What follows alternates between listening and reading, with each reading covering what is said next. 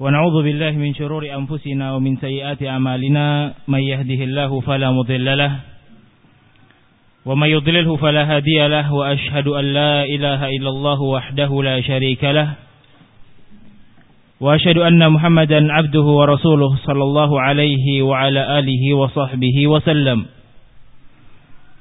يا أيها الذين آمنوا اتقوا الله حق تقاته ولا تموتن إلا وأنتم مسلمون. يا أيها الناس اتقوا ربكم الذي خلقكم من نفس واحدة وخلق منها زوجها وبث منهما رجالا كثيرا ونساء. واتقوا الله الذي تساءلون به والأرحام إن الله كان عليكم رقيبا. يا أيها الذين آمنوا اتقوا الله وقولوا قولا سديدا يصلح لكم أعمالكم. ويغفر لكم ذنوبكم ومن يطع الله ورسوله فقد فاز فوزا عظيما. أما بعد فإن أصدق الحديث كلام الله جل جلاله وخير الهدى هدى محمد صلى الله عليه وعلى آله وسلم. وشر الأمور محدثاتها فإن كل محدثة بدعة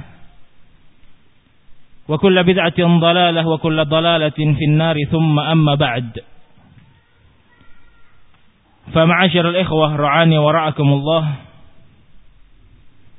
والحمد لله Allah subhanahu wa ta'ala kembali mengumpulkan kita di majlis yang mulia pada pagi hari ini. Pagi hari yang penuh dengan keberkahan. Sebagaimana sabda Nabi kita Muhammad sallallahu alaihi wa ala alihi wasallam bahwasanya umat ini umat Muhammad alaihi salatu wassalam diberkahi pada pagi harinya. Sesuai dengan sabda Nabi sallallahu alaihi wa ala alihi wasallam burika ummati fi bukuriha. Sesungguhnya umatku kata Nabi sallallahu alaihi wasallam telah mendapatkan keberkahan dari Allah Subhanahu wa taala pada pagi harinya. Oleh karena itu tatkala kita ingin menggapai keberkahan-keberkahan yang Allah Subhanahu wa taala turunkan dari atas langit sana ke, ke muka bumi ini, maka beramallah pada al-bukur yaitu pagi hari yang langsung dari Rasul sallallahu alaihi wa ala alihi wasallam mengabarkan bahwasanya pagi hari tersebut mendapatkan keberkahan-keberkahan dari Allah Subhanahu wa taala. Ikhwati fillah ra'ani wa ra'akumullah. Insyaallah taala pada kajian Ahad pagi ini yang secara jadwal insyaallah taala akan bergantian ana dengan Ustaz Abu Ahmad Ali hafizahullah wa ra'ah yang kurang lebihnya dua pekan sekali. Maka insyaallah taala pada ahad pagi anak akan mencoba untuk membacakan sebuah kitab yang berjudul Adabul Mufrad. Yang mana ini merupakan sebuah karya besar dari Al-Imam Muhammad bin Ismail Al-Bukhari alaihi rahmatullah. Dan Al-Imam Al-Bukhari alaihi rahmatullah merupakan seorang ulama yang ma'ruf, masyhur di tengah-tengah kita. Dan beliau memiliki muallafat, karya-karya yang sangat banyak sekali. Di antaranya adalah karya terbesar yang dimiliki oleh beliau adalah Sahih Al-Bukhari. Yang mana Al-Imam Al-Bukhari alaihi rahmatullah berasal dari Al-Bukhara yang mana beliau memiliki catatan sejarah dalam bertolabul ilm, dalam menuntut ilmu syar'i yang sangat panjang sekali. Di umur 20 tahun, Al-Imam Al-Bukhari telah berangkat dari negara Bukhara menuju Al-Hijaz, Makkah wal Madinah. Di sana beliau melakukan talabul ilm, menuntut ilmu syar'i dengan para masyayikh yang ada di kota Mekah dan di kota Madinah selama kurang lebih enam tahun.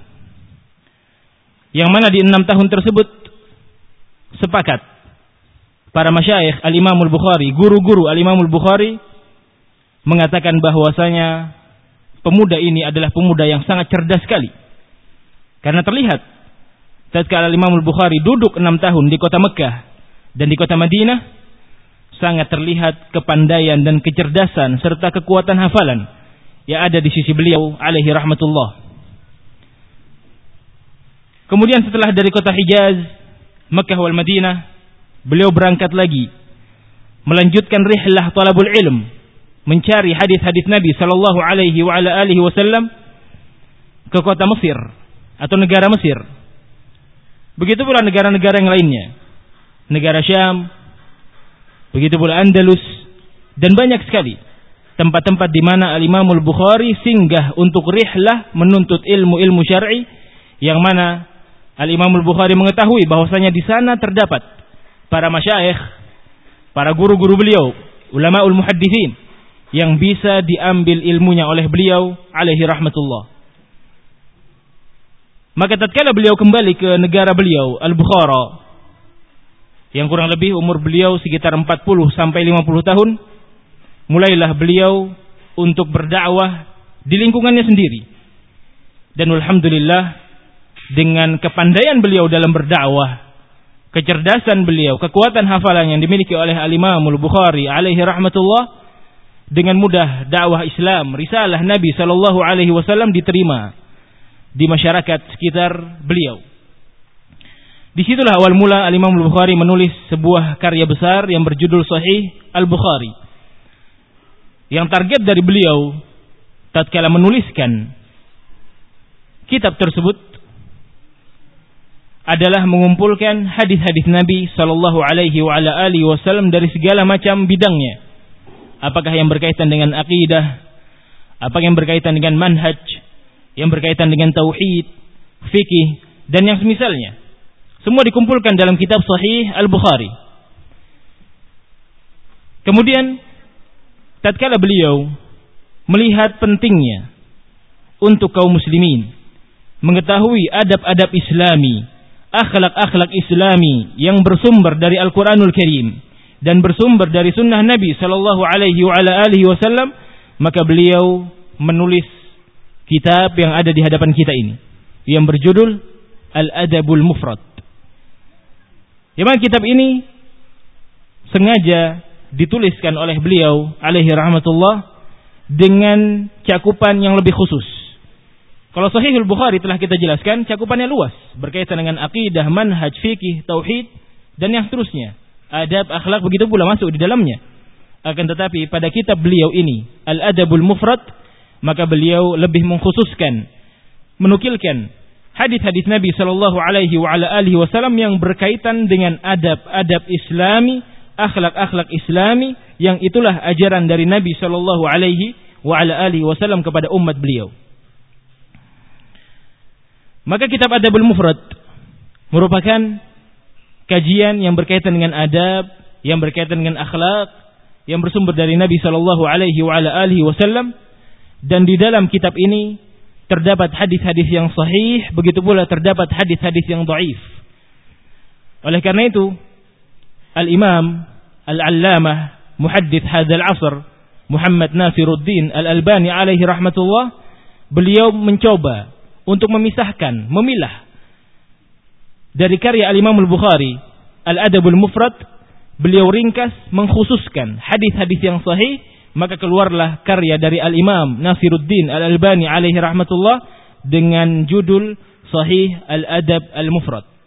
Isinya hanya hadis-hadis sahih saja yang hadis-hadis dhaif beliau pilah-pilah dan dijadikan sebuah kitab tersendiri yang berjudul Dhaif Al-Adabil Mufrad jadi dipilah menjadi dua oleh al-Imam Muhammad Nasiruddin Al-Albani alaihi rahmatullah. Muhaddithul asr. Beliau adalah seorang muhaddis, imam ahlul hadis di zaman kita sekarang. Yang mana beliau telah meninggal kurang lebih 50 sampai 60 tahun yang lalu. Dan beliau merupakan guru-guru dari para masyayikh kita yang ada di kota Madinah. Guru dari Syekh Abdullah bin Abdurrahim Al-Bukhari guru dari Syekh Muhammad bin Hadi Al-Madkhali, guru dari Syekh Ubaid bin Abdullah bin Sulaiman Al-Jabiri dan para masyayikh kita yang lainnya. Maka dengan terpilahnya terbedakannya antara ahadis sahihah dengan ahadis dhaifah yang telah dituliskan oleh Al-Imam Al-Bukhari di dalam kitab beliau Al-Adabul Mufrad, maka alhamdulillah itu merupakan kenikmatan yang sangat besar sekali yang bisa memudahkan kita untuk ingin memisah dan memilah tanpa perlu mempelajari. Tinggal kita melihat karya Al-Imam Al-Albani alaihi rahmatullah sahih Al-Adabil Mufrad, maka itulah kumpulan hadis-hadis sahih yang telah dinukilkan dan diriwayatkan dari jalur periwayatan Al-Imam Al-Bukhari alaihi rahmatullah. Mungkin muncul sebuah pertanyaan di tengah-tengah kita. Kenapa? Al-Imam Al-Bukhari alaihi rahmatullah meriwayatkan ahadis dhaifah di dalam Al-Adabul Mufrad. Maka jawabannya kita bisa melihat dari beberapa sisi. Yang pertama, para ulama muhaddithin sepakat bahwasanya hadis-hadis dhaif tidak bisa dijadikan sebagai hujjah secara umum tidak bisa dijadikan sebagai landasan dalam beramal soleh. Tatkala mungkin di sana terdapat sebuah hadis yang doif tentang, misalkan kita ambil contoh kecil, membaca surah yasin di tengah-tengah orang yang telah meninggal, di tengah-tengah jenazah mereka. Maka ini hadis Nabi Shallallahu Alaihi Wasallam yang diriwayatkan dengan jalur periwayatan perawi-perawi satu demi satu sampai ke Nabi Muhammad Shallallahu Alaihi Wasallam. Akan tetapi setelah diteliti, setelah dipelajari, maka hasil dari pelajaran tersebut, hasil dari telitian tersebut, hadis tersebut bukanlah hadis yang sahih yang pernah diucapkan oleh Nabi Shallallahu Alaihi Wasallam. Maka tatkala kita ingin beramal dengan hadis tersebut, kita tidak dibenarkan. Karena Nabi Shallallahu Alaihi Wasallam tidak pernah mengucapkan hal yang demikian. Ini termasuk hadis yang daif yang tidak pernah diucapkan sekalipun oleh Nabi Muhammad Shallallahu Alaihi Wasallam. Ini sisi yang pertama. Kita harus mengetahui bahwasanya hadis dhaifah tidak boleh dijadikan landasan untuk beramal soleh. Yang dijadikan landasan untuk amal-amalan soleh kita adalah Al-Quranul Karim dan hadis-hadis sahih dari Nabi Shallallahu Alaihi Wasallam. Ini yang pertama. Kemudian dari sisi yang kedua, kita harus pula memperhatikan bahwasanya Al-Imam Al-Bukhari alaihi rahmatullah merupakan seorang imam besar di zamannya. Seorang muhaddis kabir yang tidak kita ragukan lagi keilmuan hadis yang ada di sisi beliau. Mustalahul hadis. Jadi jangan sampai kita beranggapan bahwasanya Al-Imam Al-Bukhari wal billah tidak mengetahui bahwasanya periwayatan yang ada di dalam Al-Adabul Mufrad adalah hadis yang dhaif. La. Sama sekali bukan demikian yang difahami. Beliau tahu itu adalah ahadis dhaifah akan tetapi sengaja diriwayatkan oleh beliau alaihi rahmatullah di dalam kitab ini ini sekaligus masuk kepada poin atau sisi yang ketiga. Alasannya adalah karena perkara adab dan akhlak sebahagian besarnya hanya untuk disifati oleh kaum muslimin. Bukan sekedar diamalkan. Kalau bahasa syar'inya yang berkaitan dengan fadail a'mal, keutamaan-keutamaan. Kalau misalkan berkaitan dengan akidah, berkaitan dengan manhaj, kita lihat di kitab beliau, karya terbesar beliau Sahihul Bukhari, tidak ada sama sekali dinukilkan, diriwayatkan ahadits dhaifah karena kaitannya dengan akidah, manhaj tauhid. Berbeda dengan adab dan akhlak yang mungkin pintunya lebih bisa sedikit diluaskan. Masih bisa untuk berperangai dengan hadis-hadis yang dhaif, memiliki sifat-sifat yang mulia yang bersumber dari hadis-hadis yang dhaif yang hakikatnya sifat-sifat mulia tersebut, akhlakul karimah tersebut ada dasarnya dari hadis-hadis yang sahih. Hadis yang dhaif hanya sekedar penguat. Hadis yang dhaif hanya sekedar sebagai penunjang dari hadis inti yaitu hadis sahihah. Jadi bukan semata-mata karena hadis dhaif ada amalan misalkan untuk kita membaca suratul Baqarah. Hadis dhaif. Akan tapi di sana terdapat hadis yang sahih, yang mutawatir, benar dari Nabi sallallahu alaihi wa alihi wasallam. Maka kita beramal dari hadis yang sahih. Adapun hadis yang dhaif hanya sekedar penunjang. Hanya sekedar lewat kalau bahasa kita. Bukan kita jadikan pokok amalan kita beramal untuk membaca suratul Baqarah karena hadis dhaif tersebut telah sampai kepada kita riwayatnya. La. Kita beramal murni karena hadis sahihah. Jadi sisi yang ketiga yang ingin saya jelaskan di sini, diriwayatkannya hadis-hadis dhaif di dalam kitab Al-Adabul Mufrad karena berkaitan dengan adab dan akhlak, bukan berkaitan dengan akidah dan manhaj dan sumber dari hadis-hadis dhaif tersebut telah ada di sisi ahadis sahihah. Bukan semata-mata kita mengamalkan ahadis dhaifah tanpa ada dasar atau landasan lain yang lebih kuat yaitu ahadis sahihah. Kemudian poin yang terakhir atau sisi yang keempat untuk menjawab mengapa Al-Imam Al-Bukhari menukilkan ahadis dhaifah, meriwayatkan ahadis dhaifah di dalam kitab ini Al-Adabul Mufrad kalau kita mau jujur dan kita membandingkan jumlah ahadis sahihah dengan dhaifah yang ada di kitab ini maka jauh sekali perbandingannya. Global ahadis yang diriwayatkan oleh Al-Imam Al-Bukhari alaihi rahmatullah adalah sahih. Mayoritas. Hanya segelintir, beberapa saja. Bisa dihitung dengan jari. Dan jangan sampai kita tidak adil dalam menghukumi Al-Imam Al-Bukhari. Kita sorot terus bahwasanya Al-Imam Al-Bukhari meriwayatkan ahadis dhaifah, meriwayatkan ahadis dhaifah. Ini yang kita sorot. La. Ini suatu sikap yang tidak adil. Kenapa tidak disorot bahwasanya Al-Imam Bukhari telah meriwayatkan ahadis sahihah dari Sahih Al-Bukhari 7000 sekian hadis. Kenapa tidak itu yang disorot? Kalau ingin menjatuhkan kredibilitas seorang Al-Imam Al-Bukhari bukan seperti itu caranya. Kita harus lihat sisi keilmiahan yang dimiliki oleh beliau, kecerdasan, kepandaian seorang muhaddis yang ada yang ada di sisi Al-Imam Al-Bukhari Muhammad bin Ismail alaihi rahmatullah. Jadi poin yang keempat yang kaitannya adalah jumlah yang berbanding jauh antara ahadis dhaifah dengan ahadis sahihah yang diriwayatkan dan dinukilkan oleh beliau alaihi rahmatullah.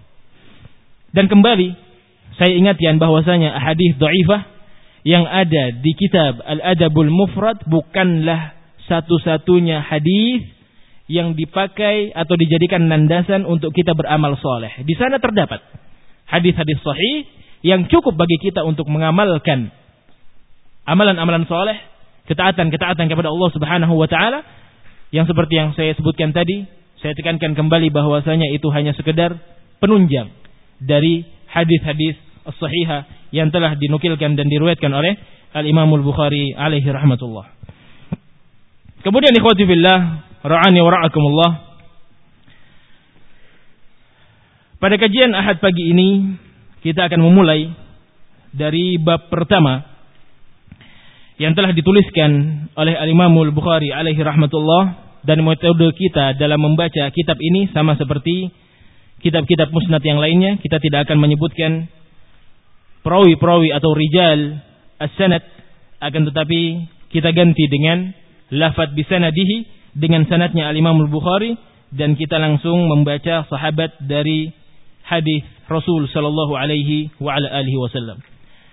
Berkata al-Imam al-Bukhari alaihi rahmatullah bab qaulihi ta'ala. Bab yang pertama yang berkaitan dengan firman Allah Subhanahu wa taala wa wasainal insana biwalidayhi ihsana. Kata Allah Jalla wa ala di dalam ayatnya yang mulia Bab yang berkaitan dengan firman Allah Subhanahu wa taala, "Wa wassaynal insana biwalidayhi ihsana." Kami telah memberikan wasiat. Wa wassayna di sini maknanya adalah amarna, kami telah memerintahkan. Kami telah memerintahkan kepada manusia, kepada hamba-hamba Allah Subhanahu wa taala, al-insan, seluruh manusia. Biwalidayhi ihsana, agar mereka berbuat baik dengan kedua orang tuanya. Ini bab yang dituliskan oleh Al-Imam Bukhari menukil dari firman Allah Subhanahu wa taala, "Wa wassaynal insana biwalidayhi ihsana." Kami telah memerintahkan, kami telah memberikan wasiat kepada manusia untuk berbuat baik, untuk berbakti kepada kedua orang tua mereka. Kemudian setelah beliau menukilkan atau menuliskan bab tersebut, beliau meriwayatkan sebuah hadis berkata Imam Bukhari bisa nadihi dengan sanatnya dari sahabat yang mulia Abdullah ibnu Mas'ud Qal sa'altun nabiyya sallallahu alaihi wa ala alihi wasallam. Sahabat yang mulia Abdullah bin Mas'ud mengatakan aku pernah bertanya kepada Nabi sallallahu alaihi wa ala alihi wasallam, "Ayyul amali ahabbu ila Allah azza wa jal?" Wahai Rasulullah, amalan apakah yang paling dicintai oleh Allah Subhanahu wa taala? Qal, maka Nabi sallallahu alaihi wasallam bersabda, "As-salatu ala waqtiha." Melaksanakan salat tepat pada waktunya Qultu thumma ay Kemudian sahabat yang mulia Abdullah bin Mas'ud mengatakan lagi, bertanya lagi kepada Nabi alaihi salatu wasallam, "Kemudian amalan apa setelah itu wahai Rasulullah?" Qal maka beliau bersabda, "Tsumma al birrul walidain."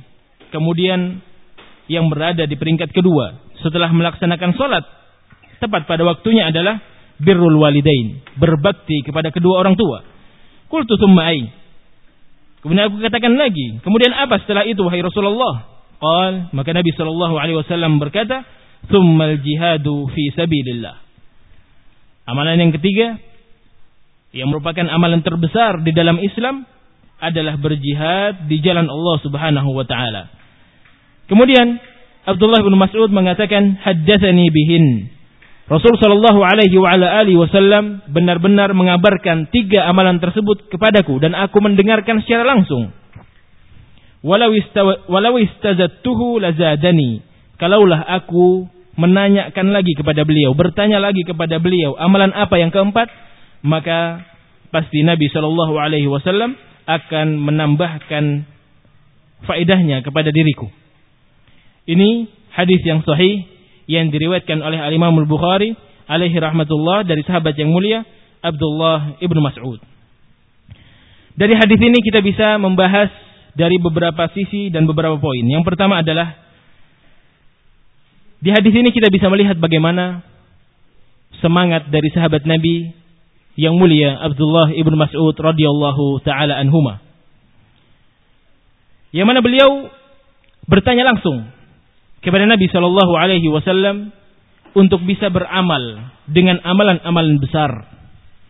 Yang mana amalan-amalan tersebutlah yang akan menjadikan sebab beliau mudah untuk masuk ke dalam syurga Allah Subhanahu wa taala. Beliau bertanya, "Ayul amal ahabbu ilallah?" Amalan apa wahai Rasulullah yang paling dicintai oleh Allah Subhanahu wa taala? Tatkala seorang hamba telah mengamalkan satu amalan yang dicintai, yang mendatangkan ridha Allah Subhanahu wa taala, maka al jazaa'u min jinsil amal. Balasan yang akan didapatkan di sisi Allah Subhanahu wa taala kelak akan seperti apa yang diamalkan. Tatkala dia berbuat sebuah kebaikan, maka mustahil Allah Azza wa Jal tidak menuliskan catatan-catatan kebaikan di lembaran-lembaran kebaikan dia. Pasti dan pasti Allah Subhanahu wa taala akan membalas kebaikan-kebaikan tersebut. Apalagi ini adalah amalan yang paling dicintai oleh Allah Subhanahu wa taala.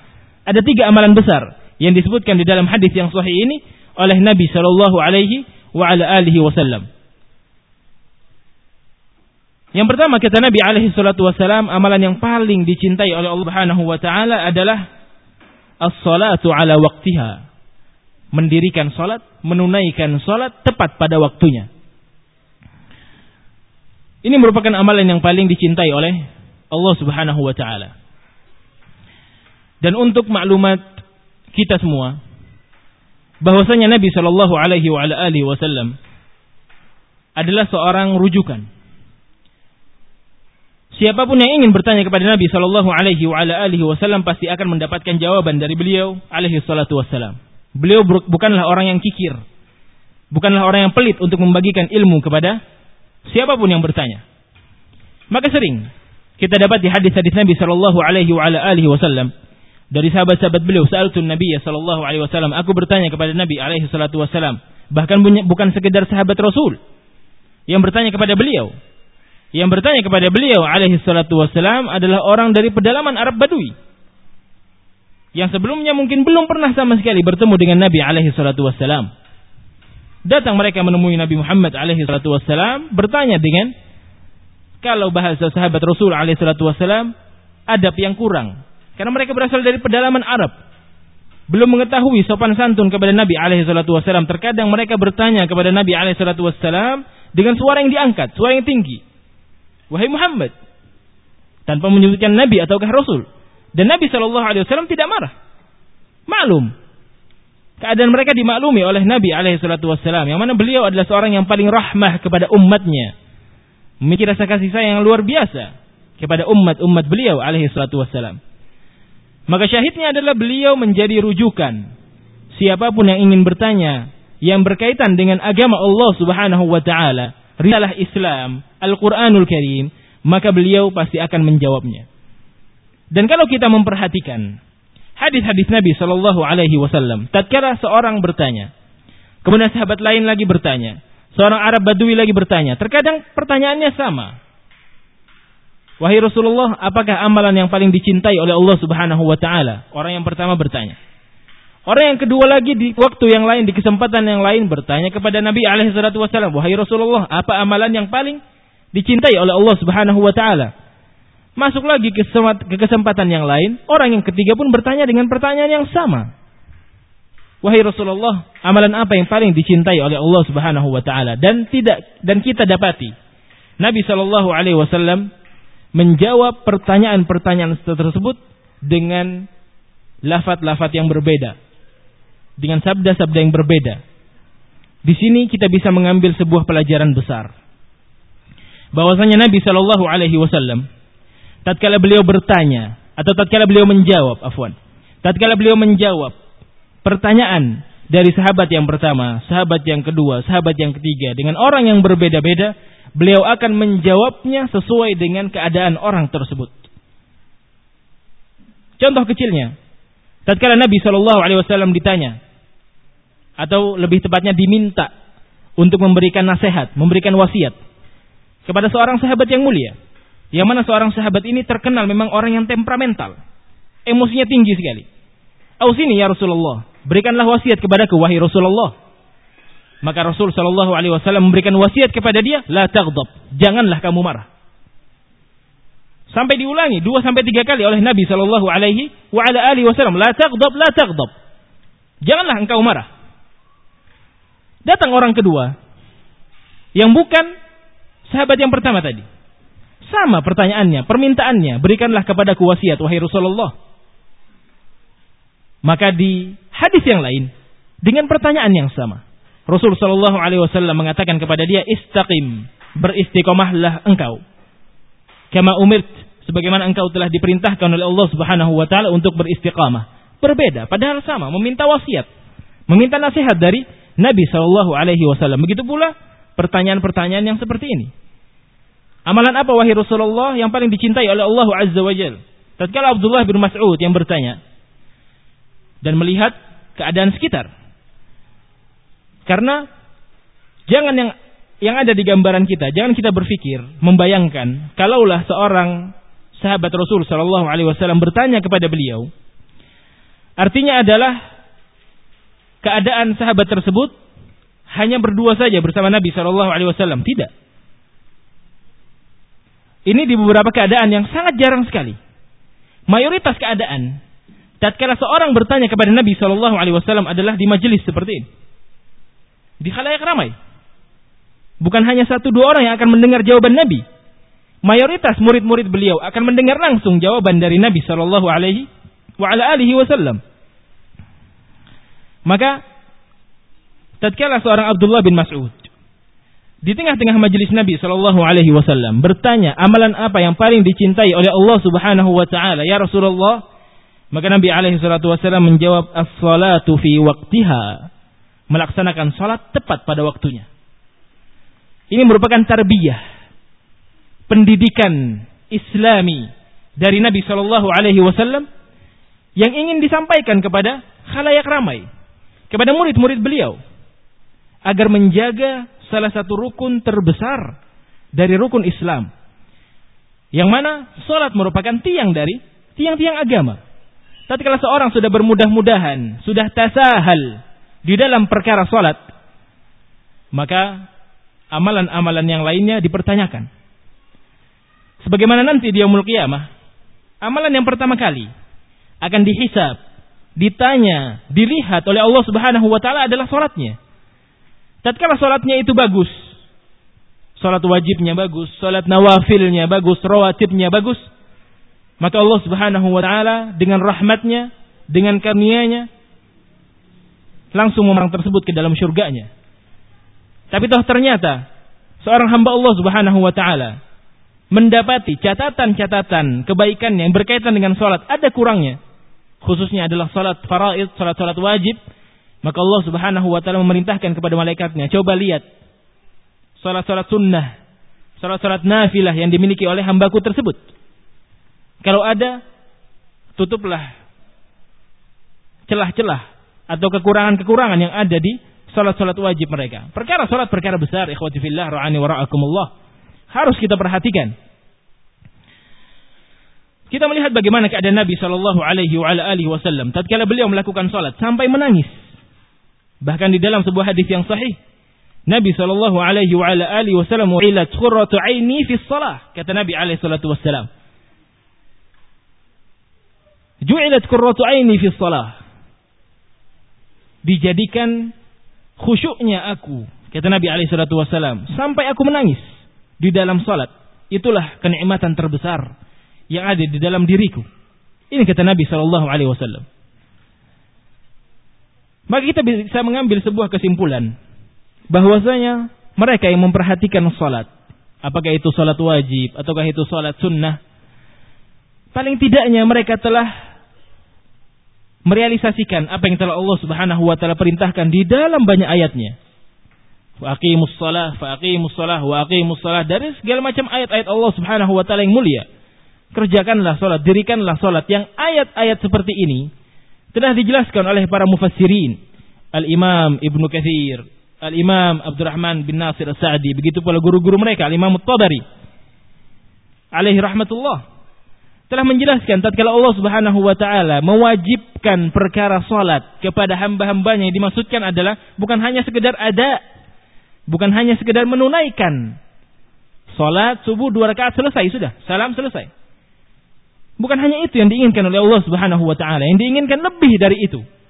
Melaksanakan salat dengan segala rukunnya, dengan segala syaratnya, dengan segala kekhusyuan yang telah Allah Subhanahu wa taala inginkan dan Nabi-Nya sallallahu alaihi wasallam contohkan.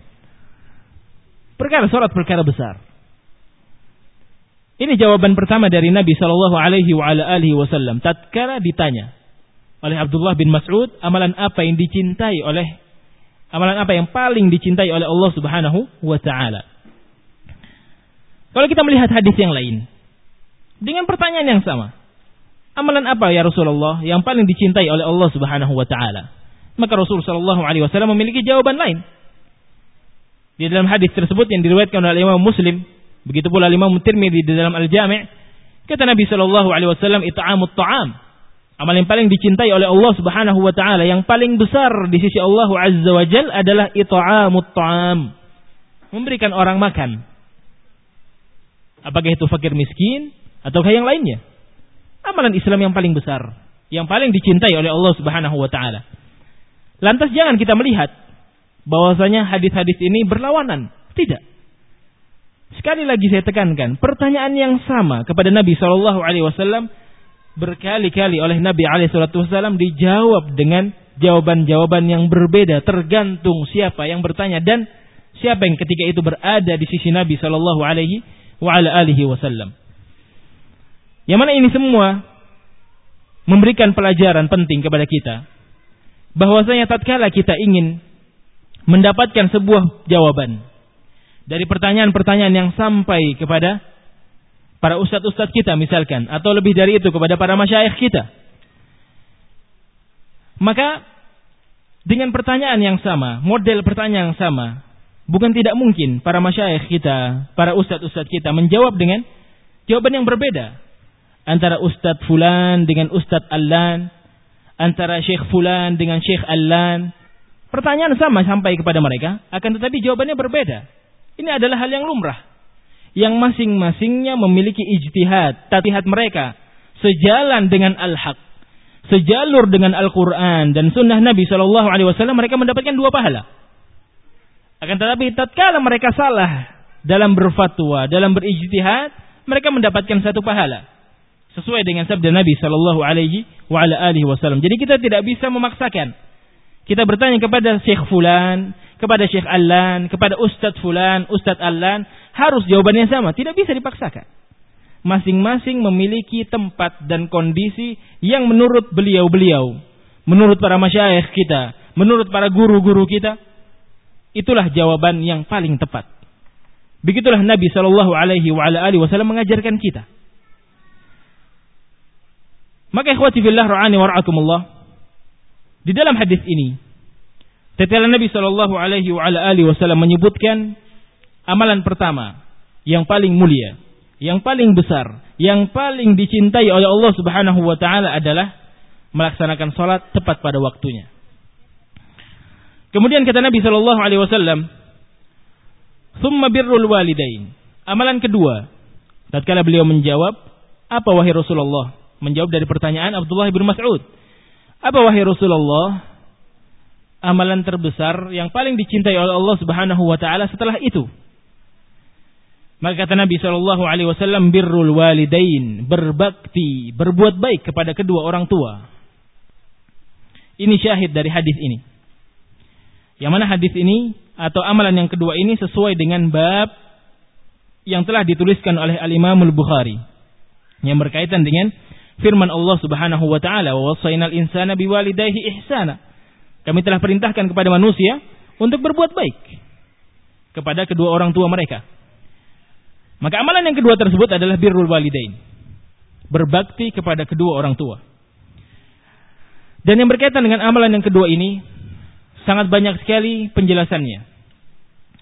Allah Subhanahu wa taala di sekian banyak ayatnya memerintahkan kepada hamba-hambanya kepada kita manusia kaum muslimin untuk mentauhidkan Allah Subhanahu wa taala wa'budullaha wa la tusyriku bih. Wa la tusyriku bih.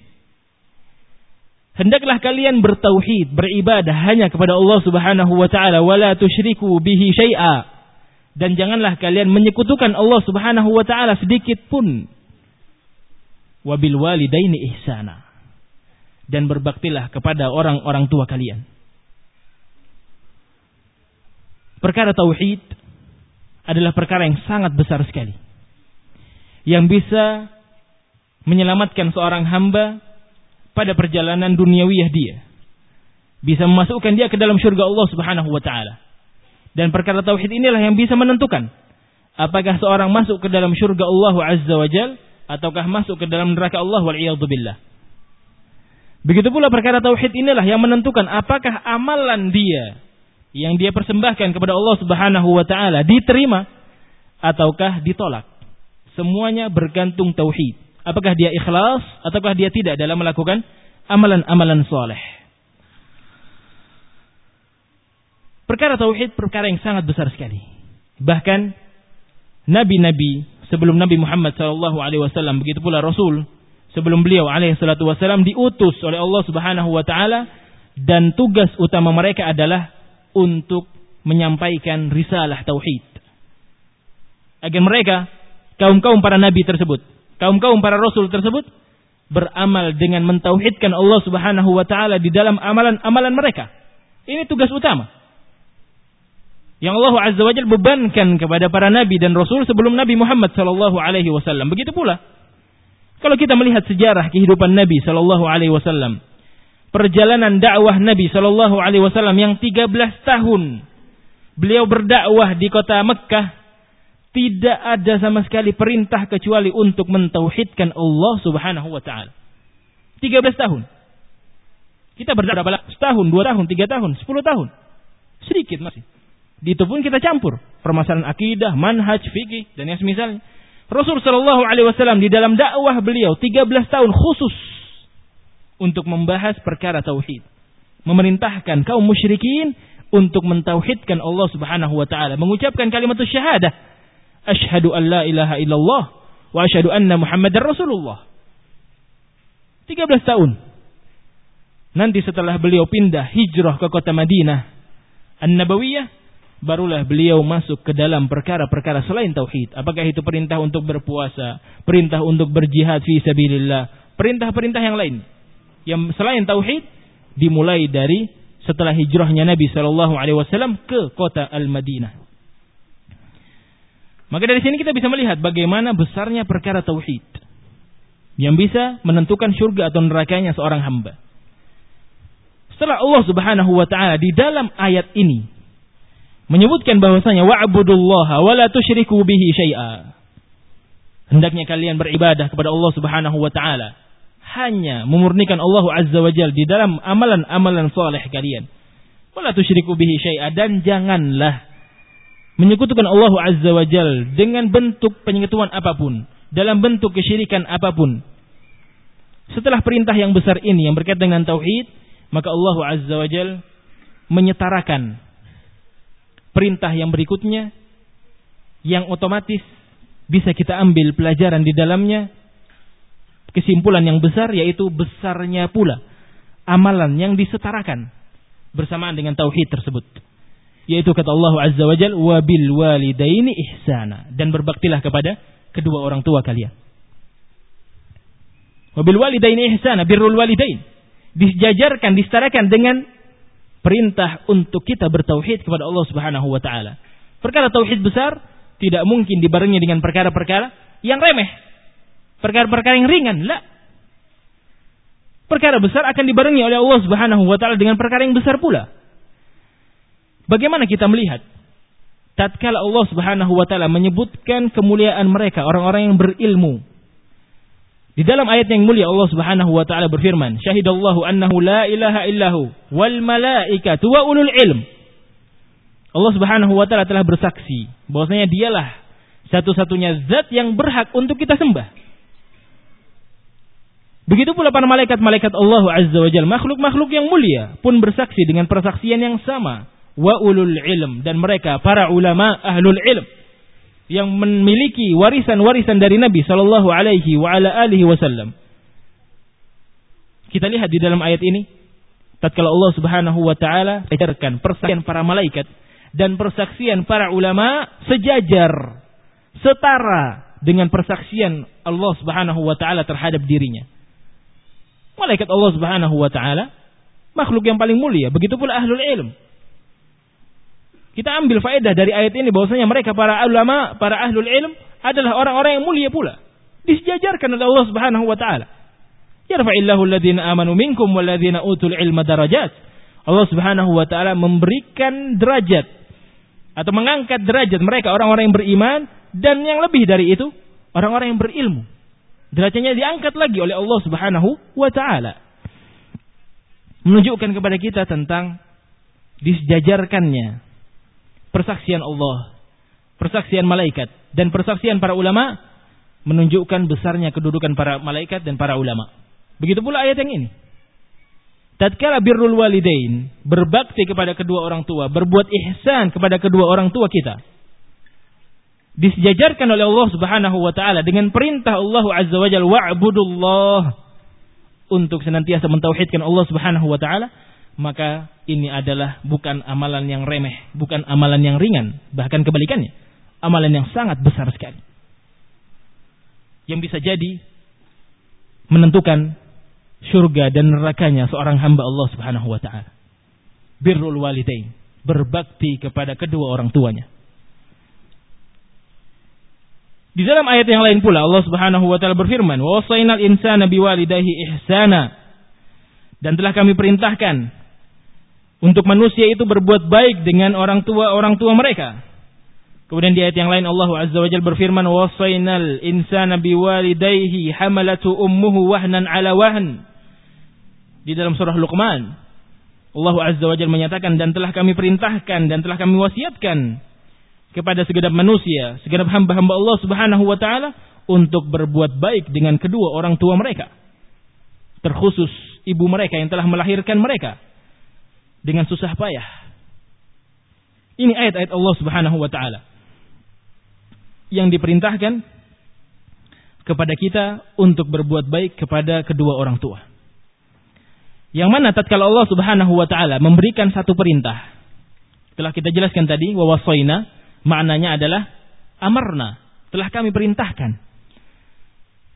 Di dalam sebuah kaidah usul fikih disebutkan bahwasanya al-amr yaqtadil wujub. perintah apakah itu dari Allah Subhanahu wa taala di dalam Al-Qur'anul Karim ataukah perintah dari Rasul sallallahu alaihi wa ala alihi wasallam yaqtadi al-wujub menunjukkan wajibnya kita untuk melakukan amalan tersebut maka ini adalah perintah dari Allah Subhanahu wa taala untuk kita bil walidaini ihsana berbakti kepada kedua orang tua kita sama derajatnya setara dengan perintah Allah Subhanahu wa taala tatkala memerintahkan kita untuk mengeluarkan zakat tatkala Allah Subhanahu wa taala memerintahkan kita untuk berpuasa di bulan Ramadan sama derajatnya tatkala Allah Subhanahu wa taala memerintahkan kita untuk melaksanakan, mendirikan, menunaikan salat lima waktu. Sama persis. Tidak ada bedanya. Besar perintah-perintah Allah Subhanahu wa taala wajib untuk kita amalkan.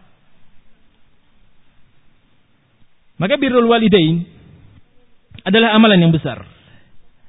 Disebutkan di dalam sebuah riwayat yang sahihah ada seorang yang meminta izin kepada Nabi Shallallahu Alaihi Wasallam untuk ikut berperang, berjihad di jalan Allah Subhanahu Wa Taala, berjihad fi sabilillah. Kemudian ditanya oleh Nabi Shallallahu Alaihi Wasallam, ahayun walidak, apakah kedua orang tuamu masih hidup?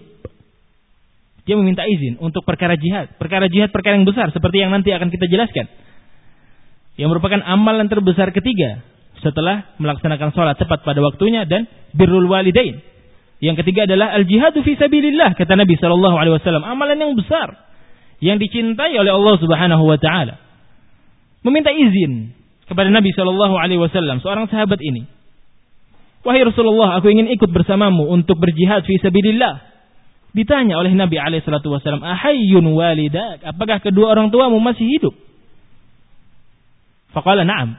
Kemudian dia berkata, iya. Masih hidup wahai Rasulullah mereka berdua. Maka kata Nabi sallallahu alaihi wa ala alihi wasallam, "Fa fihima fajahid." Berjihadlah bersama dengan kedua orang tuamu. Berjihadlah bersama dengan kedua orang tuamu. Maksudnya di sini apa? Maksudnya di sini Rasul sallallahu alaihi wa ala alihi wasallam menolak sang pemuda tersebut dengan penolakan yang halus. Penolakan yang lembut. Sebenarnya penolakan tersebut bisa kita ambil faedahnya, bisa kita simpulkan dari pertanyaan Nabi Shallallahu Alaihi Wasallam, Ahayun walidak, apakah kedua orang tuamu masih hidup? Itu sudah menunjukkan penolakan halus dari Nabi Shallallahu Alaihi Wasallam. Kemudian tatkala dia katakan iya, orang tuaku masih hidup wahai Rasulullah, fafihi mafajahid. Berjihadlah bersama kedua orang tua. Maksudnya berbaktilah kepada kedua orang tuamu yang itu sama dengan berjihad fi sabilillah bahkan lebih besar. Tatkala engkau melakukan hal tersebut ikhlas lillah. Murni karena mengharapkan wajah-wajah Allah Subhanahu wa taala. Murni karena mengharapkan wajah dan ridha Allah Subhanahu wa taala. Fa fihi mafajahid ini sabda Nabi sallallahu alaihi wa alihi wasallam. Maka di dalam kisah ini Rasul Shallallahu Alaihi Wasallam menyebutkan bahwasanya seorang yang berbakti birrul walidain posisi mereka lebih disarankan untuk tetap bersama kedua orang tuanya tatkala di samping di samping mereka jika dibandingkan mereka ikut berperang bersama Nabi Shallallahu Alaihi Wasallam. Mereka tetap di rumah-rumah dia. Mereka tetap di rumah-rumah mereka untuk birrul walidain untuk berbakti bersama kedua orang tua mereka atau berbakti kepada kedua orang tua mereka itu lebih disarankan oleh Nabi Shallallahu Alaihi Wasallam daripada dia ikut bersama Nabi Alaihi Wasallam untuk berjihad fi sabilillah. Amalan besar birrul walidain. Kemudian amalan yang ketiga yang disebutkan oleh Nabi Shallallahu Alaihi Wasallam menjawab pertanyaan dari Abdullah bin Mas'ud, "Thumma ayyun?" Kemudian apa wahai Rasulullah? Maka kata Nabi Shallallahu Alaihi Wasallam, "Thumma al-jihadu fi sabilillah." Kemudian amalan besar yang ketiga adalah berjihad di jalan Allah Subhanahu wa taala. Ini adalah tiga amalan besar yang disabdakan oleh Nabi Shallallahu alaihi wa ala alihi wasallam. Yang berkaitan dengan amalan yang ketiga berjihad fi sabilillah tidak asing lagi di tengah-tengah kita bahwasanya seorang yang mengorbankan hartanya untuk Allah Subhanahu wa taala. Begitu pula mereka yang mengorbankan jiwa raganya untuk Allah Subhanahu wa taala li'ala'i kalimatillah untuk meninggikan mengangkat kalimat tauhid untuk membersihkan satu tempat dari mereka orang-orang kafir, orang-orang musyrikin. Maka ini merupakan keutamaan yang sangat besar sekali. Bahkan mereka orang-orang yang melakukan peperangan di jalan Allah Subhanahu wa taala telah dijamin oleh Rasul sallallahu alaihi wa ala alihi wasallam tatkala mereka mati syahid mati di dalam peperangan tersebut dengan keikhlasan mereka kepada Allah Subhanahu wa taala maka mereka telah disiapkan tempat khusus di dalam syurga Allah Subhanahu wa taala yang di dalamnya terdapat 70 bidadari bahkan lebih yang akan menyambut mereka di syurga-syurga tersebut. Keutamaan yang sangat besar sekali. Akan tetapi dia masih atau amalan tersebut masih berada di bawah posisi birrul walidain. Berbakti kepada kedua orang tua. Yang artinya tatkala seorang melakukan amalan besar birrul walidain, maka amalan tersebut lebih dicintai oleh Allah Subhanahu wa taala daripada berjihad fi sabilillah. Seorang yang mati syahid di dalam jihad fi sabilillah akan disiapkan oleh Allah Subhanahu wa taala dengan 70 bidadari di surga sana. Kalau seorang mau mengambil amalan yang lebih mulia dari jihad, yang mana ini yang menjadi penyakit di zaman-zaman kita sekarang. Anak-anak muda, pemuda-pemuda kaum muslimin dicuci otaknya dari sisi ini. Oleh mereka orang-orang khawarij yang tidak bertanggung jawab, yang tidak takut kepada Allah Subhanahu wa taala. Yang mereka harapkan hanyalah bidadari, bidadari dan bidadari.